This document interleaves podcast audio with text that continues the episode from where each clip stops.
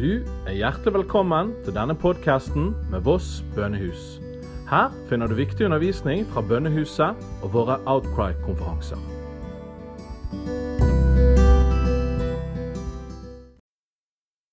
Tarjei, da kan du få komme fram.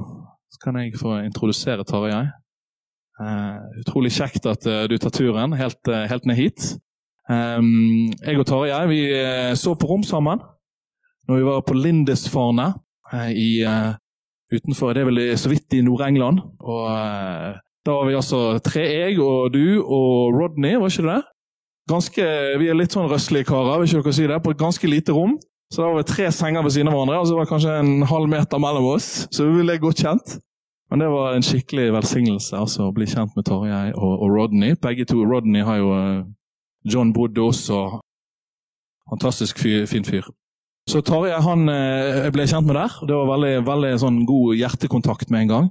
Og så uh, ja, hun blitt litt bedre kjent gjennom Nasjonalt bønneråd. og ja, Jeg tror kanskje det er der i Trondheim, vi var der i Trondheim en gang på Nasjonalt bønneråd og i hjemmemenigheten din. og så det er veldig kjekt. Og så har du vært involvert i tverrkirkelig bønnearbeid i, i, Trondheim. Det vil du sikkert fortelle mer om, men eh, så det, du har vært viktig der. Så Trondheim er en viktig by. Sant? Det er det åndelige sentrum i Norge. Det har vært det. Og vi tror det fortsatt er det, faktisk. Jeg tror det. Nidaros. Så det, det, er litt sånn ekstra spennende å høre fra deg i dag. Så jeg kan rekke ut hendene mot Tarjei og, og bare velsigne han. Så skal han få ordet. Jesus, takk, Herre, for at du sender ut dine folk, Herre. Takk for at du har sendt Tarjei hit i dag, Herre. Takk for det du har delt eh, med han, Herre. Takk for at han skal dele videre med oss, Herre. Jeg ber igjen at det ikke skal bare bli nok en tale, Herre, som vi hører nok en undervisning, men det skal gjøre noe med hjertene våre. Og det skal gjøre, det skal forløse noe i bygda vår, Herre, og her på Vestlandet, Gud. Ha, takk for at det skal gå videre ut, Herre. Dette med enhet, Herre. Dette med, med veien videre, Herre, i forhold til det, Herre. Og ha ditt folk som står sammen, Gud, og ha de gjennombruddene vi kommer til å se på grunn av. Så bare velsigna Tarjei nå, og gi han ditt ord og dine tanker, Herre. Jesu navn. Tusen takk, Øystein, og veldig fint å få lov til å komme hit. Tusen takk for invitasjonen. Eh, det er gjensidig, da. Det å bo på samme rom ute på Lindis Farne, det setter spor. Så det har vært utrolig fint å bli kjent med Øystein, og også, som han sa, gjennom Nasjonalt bønneråd. Og eh, veldig, veldig bra. Fint å komme hit, til Voss bønnehus. Første gangen min her, da. Ikke første gangen på Voss. Jeg var her i sommer sammen med kona, kjørte gjennom her. Vi stoppa og spiste lunsj her, og så tenkte jeg at jeg skulle ringe til Øystein. Eh, men så fikk jeg høre at akkurat den dagen så fikk de den siste babyen. Så da tenkte jeg nei, jeg ringer ikke til Øystein i dag. Så, men eh, det er i hvert fall første gangen jeg har vært her i Voss bønnehus. Jeg bruker ofte å starte mine eh, prekener eller når jeg deler noen ting med en vits, da, for å få, liksom, få litt god stemning. Men nå er det veldig god stemning her fra før, da, så jeg vet ikke om det er nødvendig. Men det kan jo tenkes at du har, at du har hørt om Adam og Eva. Og jeg elsker å fortelle vitser om Adam og Eva, da. De som kjenner meg litt mer enn eh, middels, vet jeg. Så Adam hadde det veldig mye lettere da, by the way, når han skulle, når han skulle eh, fortelle vitser, for han, jo, han, visste at det var ingen som hadde fortalt dem før. Så, men det var ikke det jeg skulle si da. Det jeg skulle si var at en dag så kom Du fikk med deg den? Det var ingen som lo, da. Men det var ikke den som var vitsen heller, da. Vitsen var at en dag så kom Adam naken hjem til Eva eh, til middag. Og så sa han at eh, Eva, nå har du rota det til igjen, du har putta buksa mi i salaten. Det tok litt tid, men det siger inn etter hvert, også på Voss. Nei da. Men det er veldig fint å være her. Jeg skal si bare noen få ord om meg sjøl. Eh, Øystein har jo sagt litt. Um, gift, fire voksne barn fra 30 til 22. Um, to av dem bor i Sverige, og to bor i Trondheim. Um, ja, jeg har uh, ikke vokst opp som kristen, ble frelst i voksen alder, 24 år gammel. Um, da drev jeg med utdanning. Jeg har vært godt universitet i Trondheim og Oslo. Um, og studerte også litt senere, tatt noen mastergrader i teologi, litt i mer som ordentlig voksen alder. Men i hvert fall ble jeg frelst, 24 år gammel, ut av ingenting, ut av en veldig tøff tid i livet. Jeg kjøpte en bibel som den siste utveien, egentlig. Begynte å lese i den. og bare opplevde at Gud var der. Opplevde å få se Gud når jeg åpna og begynte å lese Guds ord. Og så tok jeg imot Jesus etter hvert, eh, og opplevde at eh, det var lyset i enden av tunnelen for meg. Jeg var inne i en kjempemørk og tøff tid. Fant ingen mening med livet. Alt var bare mørkt og svart og vanskelig. Og så fikk jeg se lyset i enden av tunnelen når jeg åpna Guds ord. Og jeg tok imot Jesus noen måneder senere på en felleskampanje i Trondheim med Arild Edvardsen i 1989. Eh, Norges fremste evangelist gjennom tidene. Eh, og ble frelst. Eh, gikk på møtene hele uka. Eh, klarte ikke å få tatt beslutninger. Satt sammen med hun som da var samboeren min den gangen, som i dag er kona mi, eh, og satt ute i bilen etter det siste møtet i denne kampanjen og snakka frem og tilbake. Skal vi ta imot Jesus, skal vi ikke? Og bestemte oss for jo, vi skal gjøre det. Gikk vi inn igjen da, for å skulle ta imot Jesus, da holdt de på å rydde opp etter kampanjen og rydde stoler i Trondheim Spektrum. Um, så vi fikk jo tak i en møtevert der, og vi var jo helt grønne, så vi sa er det for seint å bli frelst? Nei, det er ikke for seint. Han var veldig god oss og ba frelsesbønn med oss der, og sånn starta det eventyret. Eh, så jobba jeg da som journalist i NRK på 90-tallet. For alle som har hørt radio på 90-tallet, som er så gamle, de har hørt stemmen min der, helt sikkert. Eh, midtveis eh, i det tiåret der så opplevde jeg kall til tjeneste og brøyt av ved å gå bibelskole. Fortsatte å jobbe i NRK, men, men begynte å preke da etter å ha gått bibelskole i 1995. Så det var starten på på tjenesten og drev på fritida, eh, deltidspredikant, og, og jobba med undervisning, misjonsarbeid, forkynnelse, menighetsplanting, skoleplanting, alt mulig, ut i Afrika og jobba. Um, og etter hvert bare mer og mer av tida tok det her, og så ble det eh, etter hvert på fulltid. Så eh, bønnearbeid. Jeg har jo leda bønneuka i Trondheim i elleve år, som er det største felleskristne prosjektet i Trondheim, faktisk. Um, Fram til i år, nå driver vi og bygger om litt akkurat nå, så, så nå samler frikirkene seg i Trondheim om å gjøre det litt annerledes. og vi Så nå har jeg avslutta det kapittelet, og vi prøver å, bygge et enda mer dynamisk og hva skal vi si, et mer omfattende bønnearbeid i Trondheim. Sånn som Øystein sier, så er jo Trondheim en viktig by. Og vi trenger å få se at de kildene som en gang strømma fra Trondheim ut til nasjonen, og til nasjonene igjen kan flyte strømmer av frelse og helbredelse. Så vi driver og, og, jobber med å få opp et uh, mer helhetlig felleskristent bønnearbeid i Trondheim enn bare denne ene uka i året. Så det driver vi med akkurat nå. Men det skal ikke jeg si noe mye mer om her, tror jeg. Eh, og så er jeg jo Det er jo egentlig sånn at jeg er jo ikke noen typisk bønnemann, så jeg tenker at Gud har jo litt humor når han kaller oss. Fordi at uh, han kalte meg til bønnearbeid og til å sette et spesielt fokus på det. Både i Trondheim og etter hvert også mer nasjonalt og sånn. Men men egentlig så, så, har jeg aldri følt at det var noe spesielt med det her med meg og bønn, så, så Gud er, er, litt funny av og til. Han kaller, og han vet hva han gjør, da. For han, eh, han, leder oss, og han kaller oss, og han utruster oss også til det han kaller oss til. Så det er ikke, ingen fare med å si ja til Guds kall, men noen ganger så tenker jeg på at uh, ja, du må kanskje lette et stykke nedover lista før du kom til meg, liksom. Men, uh, men, med Guds nåde så får jeg lov til å stå i det, og jeg er styreleder, som han sa, i Nasjonalt bønneråd også. Nå driver vi akkurat og planlegger bønnekonferansen på Grimrud sammen for Hans ansikt, sammen med Ungdom i oppdrag.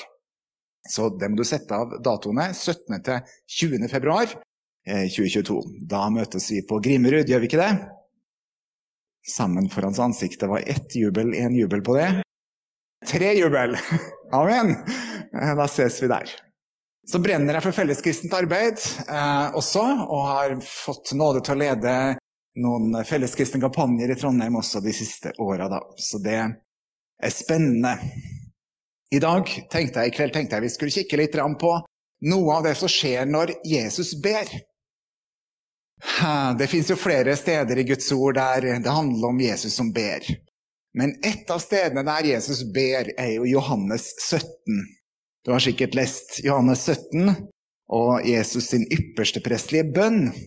Tenkte vi skulle kikke på noe av det i kveld, um, og prøve å finne litt ut av noe av det.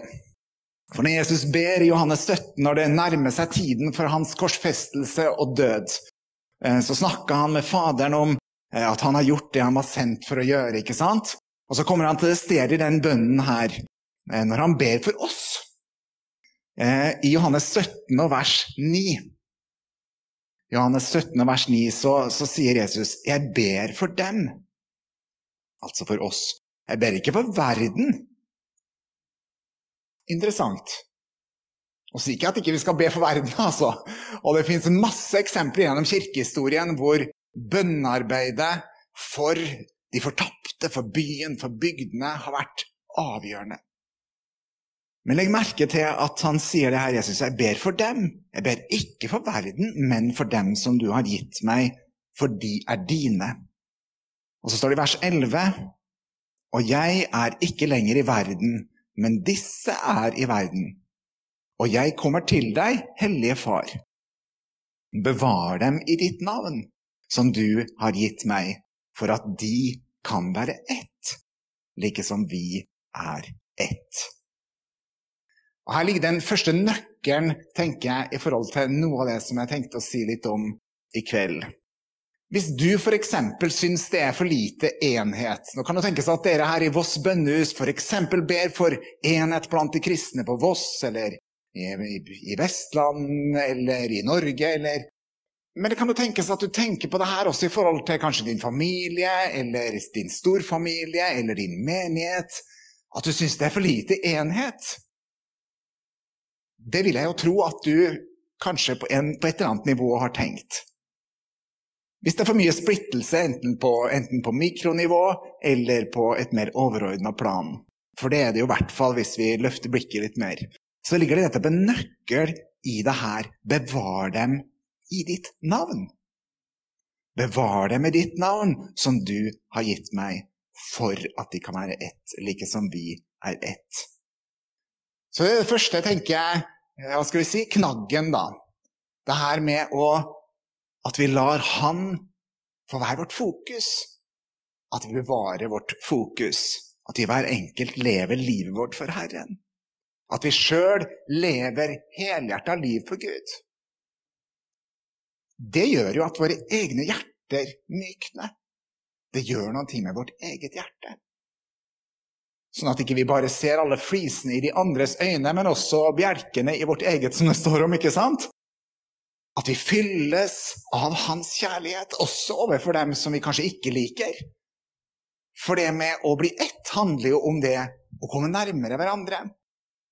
Jeg skal komme tilbake til et bilde som jeg syns er bare utrolig vakkert. Du kanskje hørt det før, og som jeg opplevde bare Gud viste meg da i forhold til det. Men, men eh, jeg vil iallfall foreslå at alle som ønsker å kritisere eller peke på, på noen, et eller annet hos sine søsken i Herren, at vi starter med å be for dem. At vi starter med å be for dem fast over tid. Fordi at det gjør jo noe med dem, men ikke minst så gjør det noe med meg. Det gjør noe med oss når vi ber for de andre. Det står jo om å ikke bli noe skyldig annet enn å elske hverandre, for den som elsker sin neste, har oppfylt loven.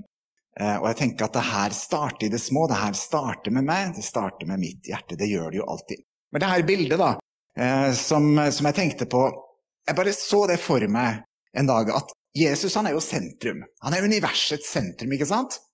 Og vi tenker at han er sentrum for oss alle, ikke sant? Og vi er alle på vei, forhåpentligvis, mot ham. Vi søker ham, vi ønsker mer av ham.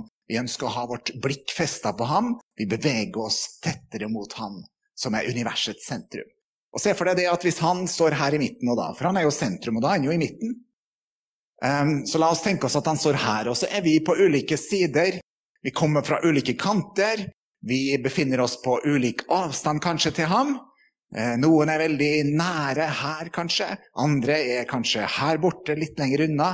Noen har kanskje tatt en sving litt på vei bort fra ham og har kanskje snudd hva sier de på teaterspråket? De har sånn eh, Hva heter det? Halv...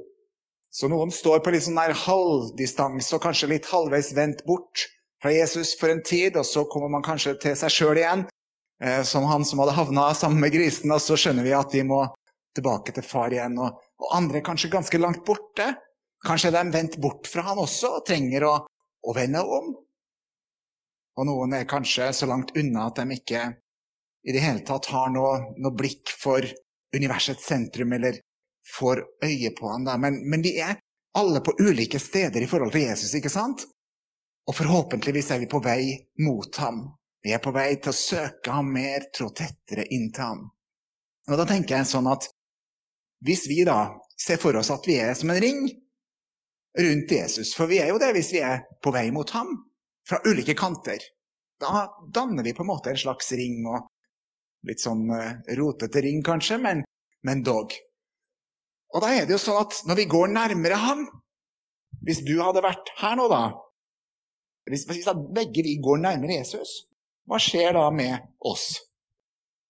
Vi kommer nærmere hverandre av å trå nærmere Jesus. Amen.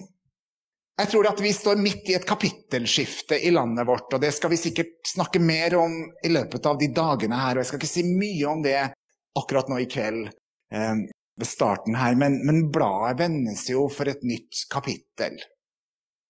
Eh, jeg kjente på det første gangen i på våren 2019.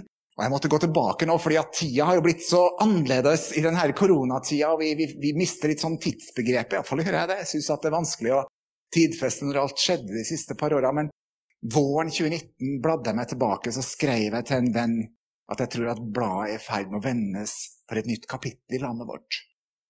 Og det tror jeg at vi er midt inne i. Et kapittelskifte. Der kampen tilspisses. Vi har hørt det sagt litt om det allerede i kveld her. Og dere snakker kanskje mye om det her i Voss bønnehus, for alt jeg vet. Um, kampen tilspisses, og samtidig så blir lyset lysere og sterkere. Men mørket akselererer og tiltar i styrke omkring oss også, av normoppløsninger, av sviktende bibeltroskap, og, og kanskje vi kommer lenger inn i endens tid enn vi liker å tenke. Kanskje er det de begynnende fødselsveene som vi kan gjenkjenne både i samfunnet og i naturen. Og midt i det her så bare opplever jeg at Herren igjen, igjen og igjen peker på det her med fokus. Hvilket fokus er det vi setter? Vi skal lese videre i Johannes 17 nå, eh, fordi at eh, fra vers 20 i Johannes 17 så sier Jesus, 'Jeg ber ikke bare for disse', altså dem som da var nært på den gangen og hadde kommet til tro, men også for dem som ved deres ord kommer til tro på meg. Og det er jo til sjuende og sist oss, det. Det er deg og meg som han ber for her. Og da ber han i vers 21 at de alle må være ett, like som du, far, i meg og jeg i deg. At også de må være ett i oss, for at verden skal tro at du har utsendt meg. Og den herlighet som du har gitt meg, har jeg gitt dem, for at de skal være ett, like som vi er ett. Jeg i dem og du i meg, for at de skal være fullkomment til ett, for at verden kan kjenne at du har utsendt meg og elsket dem like som du har elsket meg. Og Her ser vi jo flere av de her aspektene i akkurat det vi snakker om her. For det første så ser vi at den enheten som Jesus ber om, det er en ekte enhet. Han sammenligner det faktisk. Ser du det? Han sammenligner, det med den enheten som er i guddommen. I treenighet. Det er ganske ett. Da snakker vi om ett. For er jo, Gud er jo både én og tre, ikke sant? Da er man virkelig close. Da snakker vi om enhet. Like som du, far, i meg og jeg i deg. Det er det nivået av enhet som han snakker om, som han ber om at vi skal leve i. Da skjønner vi også at det er en hjerteenhet det er snakk om. Det er en ekte hjerteenhet. Jeg må fortelle om noe som skjedde da jeg for mange mange år siden, ca. 2004 eller noe sånt var det, jeg underviste på en bibelskole eh, i Trondheim. Eh, og den bibelskolen eies av en menighet. Og jeg underviste eh, på den bibelskolen her i andreårskurset, og jeg tror, vi, jeg tror det handla egentlig om menighetsplanting eller pionerarbeid eller noe sånt, som var fokuset. Og jeg stod og underviste og hadde gjort det ja, ganske mange ganger. Um, og, når jeg står der og, uh, og underviser den dagen her, midt i undervisninga, så opplever jeg bare en hellig ånd tale til meg. om noe helt annet enn jeg sto og underviste. Jeg hadde ikke opplevd det fram til da, og nesten ikke siden heller noe tilsvarende. Det var nesten så det var en lydelig stemme. Jeg kan ikke si at det var en lydelig stemme, men det var ikke langt unna, iallfall. Og jeg hører bare Den hellige ånd si Jeg setter hjertet sammen for det jeg vil gjøre.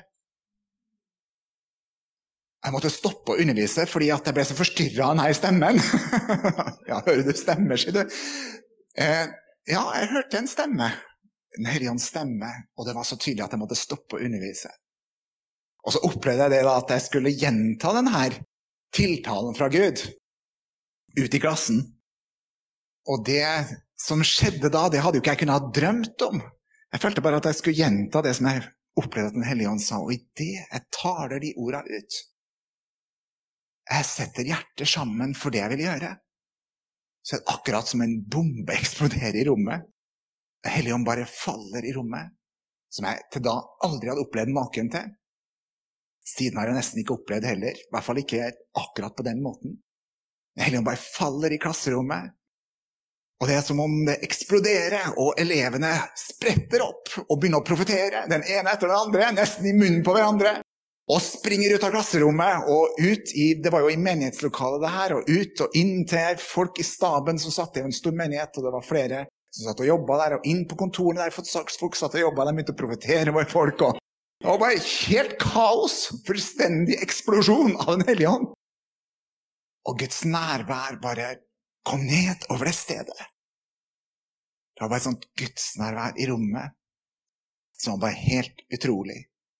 Det var som om det vibrerte av Den hellige ånds kraft i rommet. En besøkelsestid fra Herren. Og, og det varte faktisk noen uker, da. Ikke så kjempelenge, men et par uker. Så var det som om det var en besøkelsestid i, i, i skolen, men i den menigheten òg. Bønnemøtene eksploderte. Jeg husker at eh, under stabslunsjen en dag, det var ganske, vi var kanskje ti stykker eller noe sånt som satt der under felles stabslunsj for bibelskolen og menigheten, så kommer kona til en av de som jobba i menigheten, eh, inn på besøk. Hun hadde ikke vært der da eh, under denne perioden. Dette var kanskje ja, ei uke inn i det her, eller noen dager inn i denne perioden av besøkelse. Av helligånds besøkelsestid. Så kommer hun inn og setter seg ned ved stabslunsjen, og så sier hun hva er det som er her i huset? Når jeg kom inn i huset, så var det akkurat som om det er noe her. Hva er det for noe? Så det var så påtagelig. Det var, det var som om det vibrerte. Og jeg tenkte jo det i min eh, hva skal vi si, dumhet eller i min enfoldighet at nå har den siste store vekkelsen kommet til Trondheim. Da har Nelliona kommet ned, og nå, har, nå, skjer det, liksom. Og så gikk det et par uker, da. Og så bare var det som om det letta. Uh, det herre metta gudsnærværet, den herre besøkelsestiden eh, av Den hellige ånd, bare letta.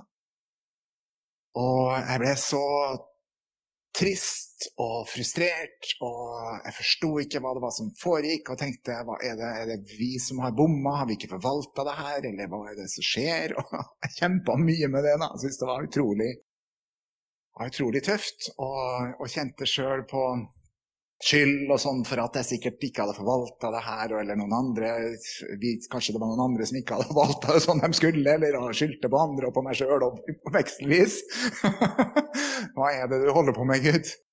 Og så har jeg tenkt på det eh, når jeg har sett tilbake på det her i ettertid, at jeg tror egentlig at det var bare en forsmak på det som Gud vil gjøre i endens tid. De siste årene har jeg tenkt mer og mer på det her at det pekte egentlig fram mot nettopp det som Gud gjør den tida her. De siste åra så har iallfall jeg opplevd å se hvordan Den hellige ånd gjør akkurat det her. Han setter hjerter sammen for det han vil gjøre. Jeg vet ikke om du kjenner på det her på Voss, eller om jeg treffer deg hjemme i det hele tatt når jeg sier det, men, men jeg kjenner på det. Kjenner på det i Trondheim, kjenner på det i i landet vårt at Gud setter hjerter sammen for det han vil gjøre. Han kobler sammen mennesker som ikke du kanskje hadde tenkt på. Plutselig så får du en connection du, med noen som ikke du hadde planlagt. Plutselig så blir du leda sammen med noen. Sjøl fikk jeg oppleve det også veldig Jeg har ikke tid til å fortelle alle de historiene nå, men jeg har fått oppleve noen sånne eksempler på de siste åra også, hvordan Gud bare har satt sammen hjerter. Det har vært utrolig fascinerende å se hva Gud kan gjøre, altså. Eh, hvis det blir tid i løpet av dagene, så kan jeg fortelle kanskje en av de historiene. Hvis ikke du har hørt den før. Men, eh, men eh, det her er noe Gud gjør, tror jeg, en tida her. Han setter hjerter sammen for det han vil gjøre. På kryss og tvers, på en veldig vakker måte i menighetene, men ikke minst på kryss og tvers av kirker og menigheter, så driver Gud og gjør det her. Han setter hjerter sammen for det han vil gjøre. Og da blir det som et fundament også for det som han vil gjøre, akkurat som han sa den gangen. Da blir det det som blir utgangspunktet når vi skal bygge noe, når vi skal utvikle, når vi skal arbeide, når vi skal få lov til å være medarbeidere med Gud så blir det det som blir utgangspunktet, at Herren har satt det sammen. At han bygger huset. For det står jo om det at hvis ikke han bygger huset, så bygger bygningsmennene forgjeves. Ikke sant? Og det er jo det det handler om, at han får bygge huset. Det er jo ikke bare noen ord, det. Det er substans. Det er virkelighet. Når han får bygge. Og det er jo vi som er de levende steinene. Det er jo oss han bygger med, og da må han få lov til å sette dem sammen så det kan bli en gjenreisning av huset hans i Voss og på Vestlandet og i landet vårt. En ekte enhet, en hjerteenhet, i motsetning til det vi bare prøver å få til i det ytre. Men for at det skal skje, så må jo Gud få arbeide med hjertene våre, da. For det her kan jo ikke skje uten at Gud får jobbe med oss, uten at Gud får arbeide med hjertet mitt. Og for at han skal kunne få arbeide med hjertet mitt, så må jeg jo invitere ham inn til å gjøre det. For han, Den hellige ånd, er jo en gentleman. Han dytter seg ikke inn, men du må invitere ham inn til å få arbeide med deg.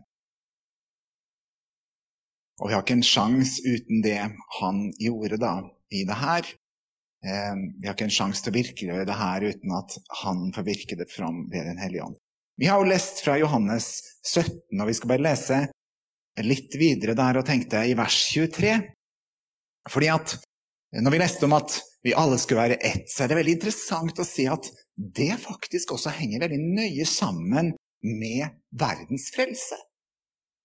Det henger sammen med Voss sin frelse, så lenge Voss er i verden, da. For det henger sammen med verdens frelse, og hvis Voss er i verden, så henger det sammen med Voss sin frelse også, og Vestlandet sin frelse. For i vers 23 står det jeg i dem og du i meg. Ikke sant? Her er han i denne tankerekka, i denne eh, logiske rekkefølgen der han legger ut det her med hva slags type enhet. Og så står det 'for at de skal være fullkomment til ett'. For at verden kan kjenne at du har utsendt meg og elsket dem like som du har elsket meg. Og det er jo ganske logisk også, hvis vi tenker gjennom det, at når han ber om at vi skal være ett, på samme måte som den enheten som flyter i guddommen mellom de tre personene i guddommen, en sånn sterk, fantastisk, dyp enhet. Og han så sier at for, for at verden skal kjenne at du har utsendt meg og elsket dem på det her nivået, ser jeg for meg at han sier at med, den, med denne ekte kjærligheten Det er jo det verden omkring oss lengter etter. Det er jo kjærlighet. Alle sammen lengter jo egentlig etter det.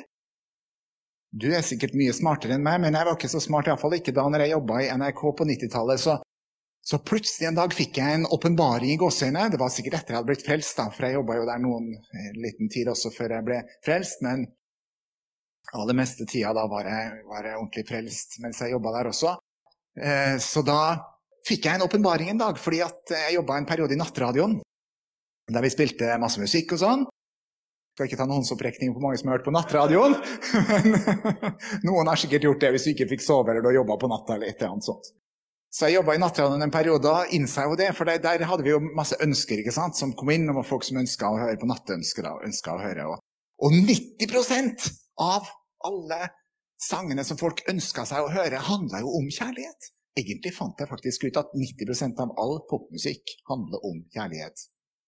Ikke guddommelig kjærlighet av det meste av det, dog, men iallfall kjærlighet. Eh, så det ble en sånn åpenbaring for meg. Det her hadde du selvfølgelig skjønt for lenge siden.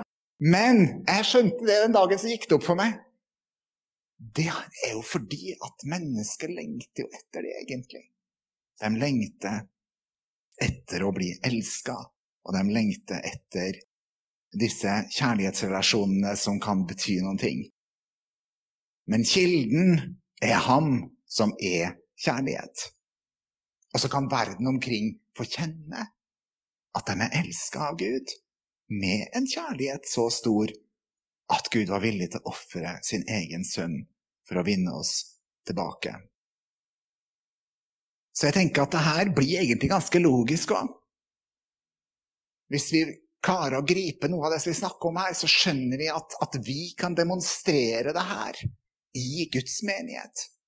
Og at vi kan be inn i at det får skje, sånn som Jesus ba. For vi vil jo gjerne be sånn som han ba. Når han ba sånn som han gjorde, så må jo det være bra. Som et bra eksempel ikke sant, for oss å følge etter. Og da tenker jeg at om det er at vi ber for det, eller om det handler om at vi også praktiserer det når vi har bedt, så blir det ganske logisk at det vi kan demonstrere, det som kan faktisk skje blant oss, det blir til et vitnesbyrd for verden. Det blir jo veldig relevant, tenker jeg, også i det nye kapitlet som vi er på vei inn i, hvis vi kan akseptere at det er et kapittelskifte i vår tid. Vi som kristne som vil tro og stå på hele Bibelen, er i ferd med å bli mer og mer skvisa, håna, utsatt for sinne, for forakt. Og da blir det jo enda viktigere at vi virkelig kan skinne av det herre gudslyset. Og at det blir synlig for mennesker, for folk, fordi vi elsker hverandre, fordi at det lever hos oss. Det her sterke lyset. Det er det andre aspektet av det her, altså at Norges frelse faktisk avhengig av hvordan vi er mot hverandre. Wow. Åssen skal det gå? Jeg har kanskje et lite stykke igjen. Men eh, vi kunne vinkla det med negativt fortegn og sagt at hvis vi at om man holder igjen på det her, så hindrer man folk fra å komme til tro. Og det er jo sånn. Jeg kjenner iallfall mange ikke-kristne som er utrolig frustrert på at de kristne bare krangler og bråker og er uvenner og klarer ikke å bli enige om noen ting. Så sier ikke jeg nå at vi skal bli enige om alle ting, men jeg tenker at det blir et veldig negativt vitnesbyrd hvis de kristne bare krangler og ikke klarer å samle seg. En sånn Gud er ikke jeg interessert i. Det har jeg hørt mer enn én en gang sagt eh, ute i verden, har jeg nær sagt, blant ikke-kristne. Du har kanskje hørt det også. Um, så vi kunne vinkla det på den måten, med negativt fortegn, og snakke om det her store ansvaret som vi bærer, og for at verden skal få se. Men jeg ønsker heller å fokusere det positivt i kveld. Den positive veien. Tenk hvilken mulighet! Her på Voss, her på Vestlandet, her i Norge. Tenk hvilken mulighet! At vi kan få se at bygd og by i landet vårt kommer til tro fordi de får se hvor vi elsker hverandre og at det får starte der det må starte. Ikke med deg, men med meg. For det må alltid starte med meg. Det har det gjennom hele kirkehistorien også handla om, før alle store vekkelser, når bønn og enhet har gått foran som to av de viktigste faktorene igjen og igjen. At bønnevekkelsen skjer, og at man kommer sammen vi lar Gud få sette hjertene våre sammen. På et visst nivå har det så å si alltid før de større bevegelsene og vekkelsene gjennom kirkehistorien vært det som har gått foran. Bønn og enhet. Enten på et lite plan, at man kommer sammen i et fellesskap, eller i en større setting i en by, en bygd. At man finner sammen. Det betyr ikke at alle skal være enige, eller at alle blir med, men at det er noen som våger å trå nærmere hverandre, som, som kommer sammen. Det står jo også i Johannes 13, 35 at av dette skal alle kjenne at dere er mine disipler, om dere har kjærlighet til hverandre. Og hvis alle kan kjenne at vi er Guds disipler, da tenker jeg at vi har kommet ganske nære at verden blir frelst. Da gjenkjenner de jo Gud i oss. Hvis de skjønner at vi er hans disipler. Veldig ofte så skjønner de jo ikke det, tror jeg. Hadde de virkelig skjønt det, så hadde det også vært kort vei til tro. Er det sånn på våre hjemsted? Er det sånn at alle kan kjenne på det? Det her starter med meg. At jeg svarer på kallet fra ham. Kallet til et dypere, nærmere forhold med ham. Og at jeg sjøl At jeg lar meg sjøl bli en sånn byggestein, en levende stein i Guds hus som han gjenreiser. At jeg lar meg sette sammen med noen andre steiner. At vi kan få øye på det som Gud gjør når han driver og gjenreiser sitt hus, for han holder på med det. At vi får øye på det og blir medarbeidere med det. Han har jo invitert oss til å være medarbeidere i det. Jeg skal avslutte med å fortelle en, en historie fra jeg satt en gang på et slitent hotellrom i Ugandas hovedstad Kampala og forberedte en kampanje. Dette er mange år sia, og, og her, nå får du høre den andre av de her sånne opplevelsene som jeg kanskje bare har en håndfull av gjennom kristenlivet. Det er opplevelsen av at Gud tar det så klart og tydelig. Den gangen her var det ikke med en, med en stemme som var nesten lydelig, men det var en veldig sånn sterk Helligånds indre stemme. Men den var veldig klar og tydelig.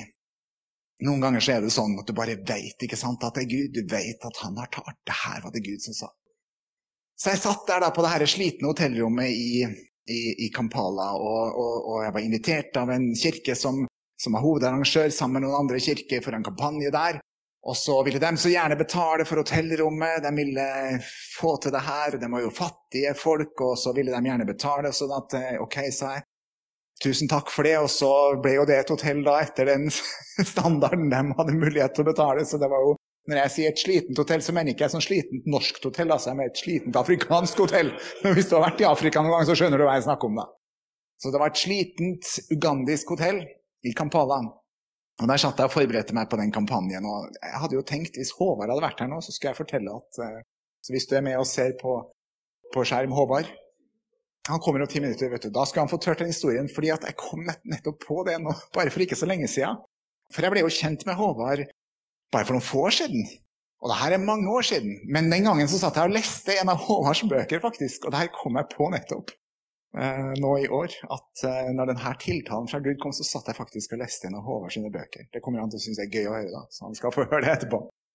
Men nå fikk dere høre det før ham. Og, og, jeg satt der og leste om noe helt annet eh, enn det som Gud talte om, da. Og så opplever jeg bare en Helligånd sier eh, en, en, skikkelig sånn tiltale midt inn i det her. Jeg fører mitt folk sammen, sa Gud. Vil du hjelpe meg med det? Vil du være min medarbeider i det? Han sa det sånn, vil du hjelpe meg med det? Medarbeider har jeg lagt til etterpå, fordi jeg syns det høres fint ut. Men, men, det han sa, var egentlig Det han egentlig sa, var Jeg fører mitt folk sammen. Vil du hjelpe meg med det? Så jeg sa ja til det. Og så gikk det mange år før det ble noe veldig materialisert, det da, i forhold til det her med å jobbe med felleskristne ting og sånn, men det kom jo til syne etter hvert. Og Gud åpna de dørene, og det la seg til rette, men det starta med en sånn tiltale fra Gud, da, der han hviska meg i øret at jeg fører mitt folk sammen. Vil du hjelpe meg med det? Og det var sånn mitt felleskristne engasjement ble født, eh, midt i Sentral-Afrika. Så tok det ganske mange år, men jeg tenker at det ligger mer enn bare det her personlige kallet for meg i det der, i det han hviska til meg den gangen. Det handler om å gjenkjenne hva Gud gjør. Hele tida handler det jo om det. Fordi vi kalles til å være medarbeidere med Han. Og hvis vi skal være medarbeidere med noen, så må vi jo vite hva han holder på med. Han vi skal være medarbeider med. Og vi skal arbeide sammen med ham. Jesus så hva Faderen gjorde, og, og gjorde etter det. Den hellige ånd er vår talsmann, og han vil tale til oss og vise oss hva Faderen gjør. Og han inviterer oss til medarbeiderskap. Skal vi be litt sammen? Herre, Herre Jesus, du som ba om at det skulle skje, det som vi har snakka om i dag. Og når du ba om noe, Jesus, så, så tror vi jo at da blir det iallfall bønnesvar. Da virker Gud det fram, og vi, og vi ser jo at det er som du, Herre, har gjort oss og gjør. Du virker fram akkurat det som Jesus ba om i Johannes 17. Du virker det fram gjennom Din Hellige Ånd. Og takk, Herre, at vi får lov til å være dine medarbeidere i det. At det er noe du gjør i vår tid. Tenk at vi får lov til å være med på det, Herre. At du driver og fører ditt folk sammen. Herre, vi ønsker ikke å se på at det toget går forbi oss, Herre, men vi vil hoppe på å være med på det du gjør, Herre, når du setter hjerter sammen, og når du fører ditt folk sammen, Herre, til én brud som du, Herre, skal komme og hente snart, Herre. Fordi du har sagt at du kommer snart, Herre. Og det tror vi at uh, er mer og mer virkelig på hver dag som går, Herre. Du kommer snart igjen, Herre, og Herre, må du finne oss i virksomhet, Herre, med å være dine medarbeidere, som har lytta inn din Hellige Ånds stemme, Herre som får øye på hva du gjør, Herre, og som er dine medarbeidere i det at det er det du finner oss i ferd med å, holde på med når du kommer tilbake for å hente oss, Jesus. Hent oss hjem til den boligen som du har gjort i stand for oss, Herre. Så Herre, det er vår bønn. Herre, ta oss, bruk oss, gjør det. Gjør oss til gode medarbeidere, Herre. La de dagene her også få være Dager der vi får øye på hva du gjør, Herre. Der vi kan få se noe av det du gjør. Få noen glimt, Herre, av hva du gjør, sånn at vi kan være gode medarbeidere i bønn også for det. Sånn at bønnene våre blir på linje med det som både du har bedt, og det vi ser i ditt ord av bønner, Herre, men det som ligger på ditt hjerte også, Herre. At vi kan se hva du gjør, Herre, og be bønner som er, som er medarbeidende bønner, Herre inn i akkurat det du gjør, far. Så dere kan bli til frelse, Herre, for Voss, og til frelse for Vestlandet, Herre, og til frelse for landet vårt. Herre, det er vår bønn.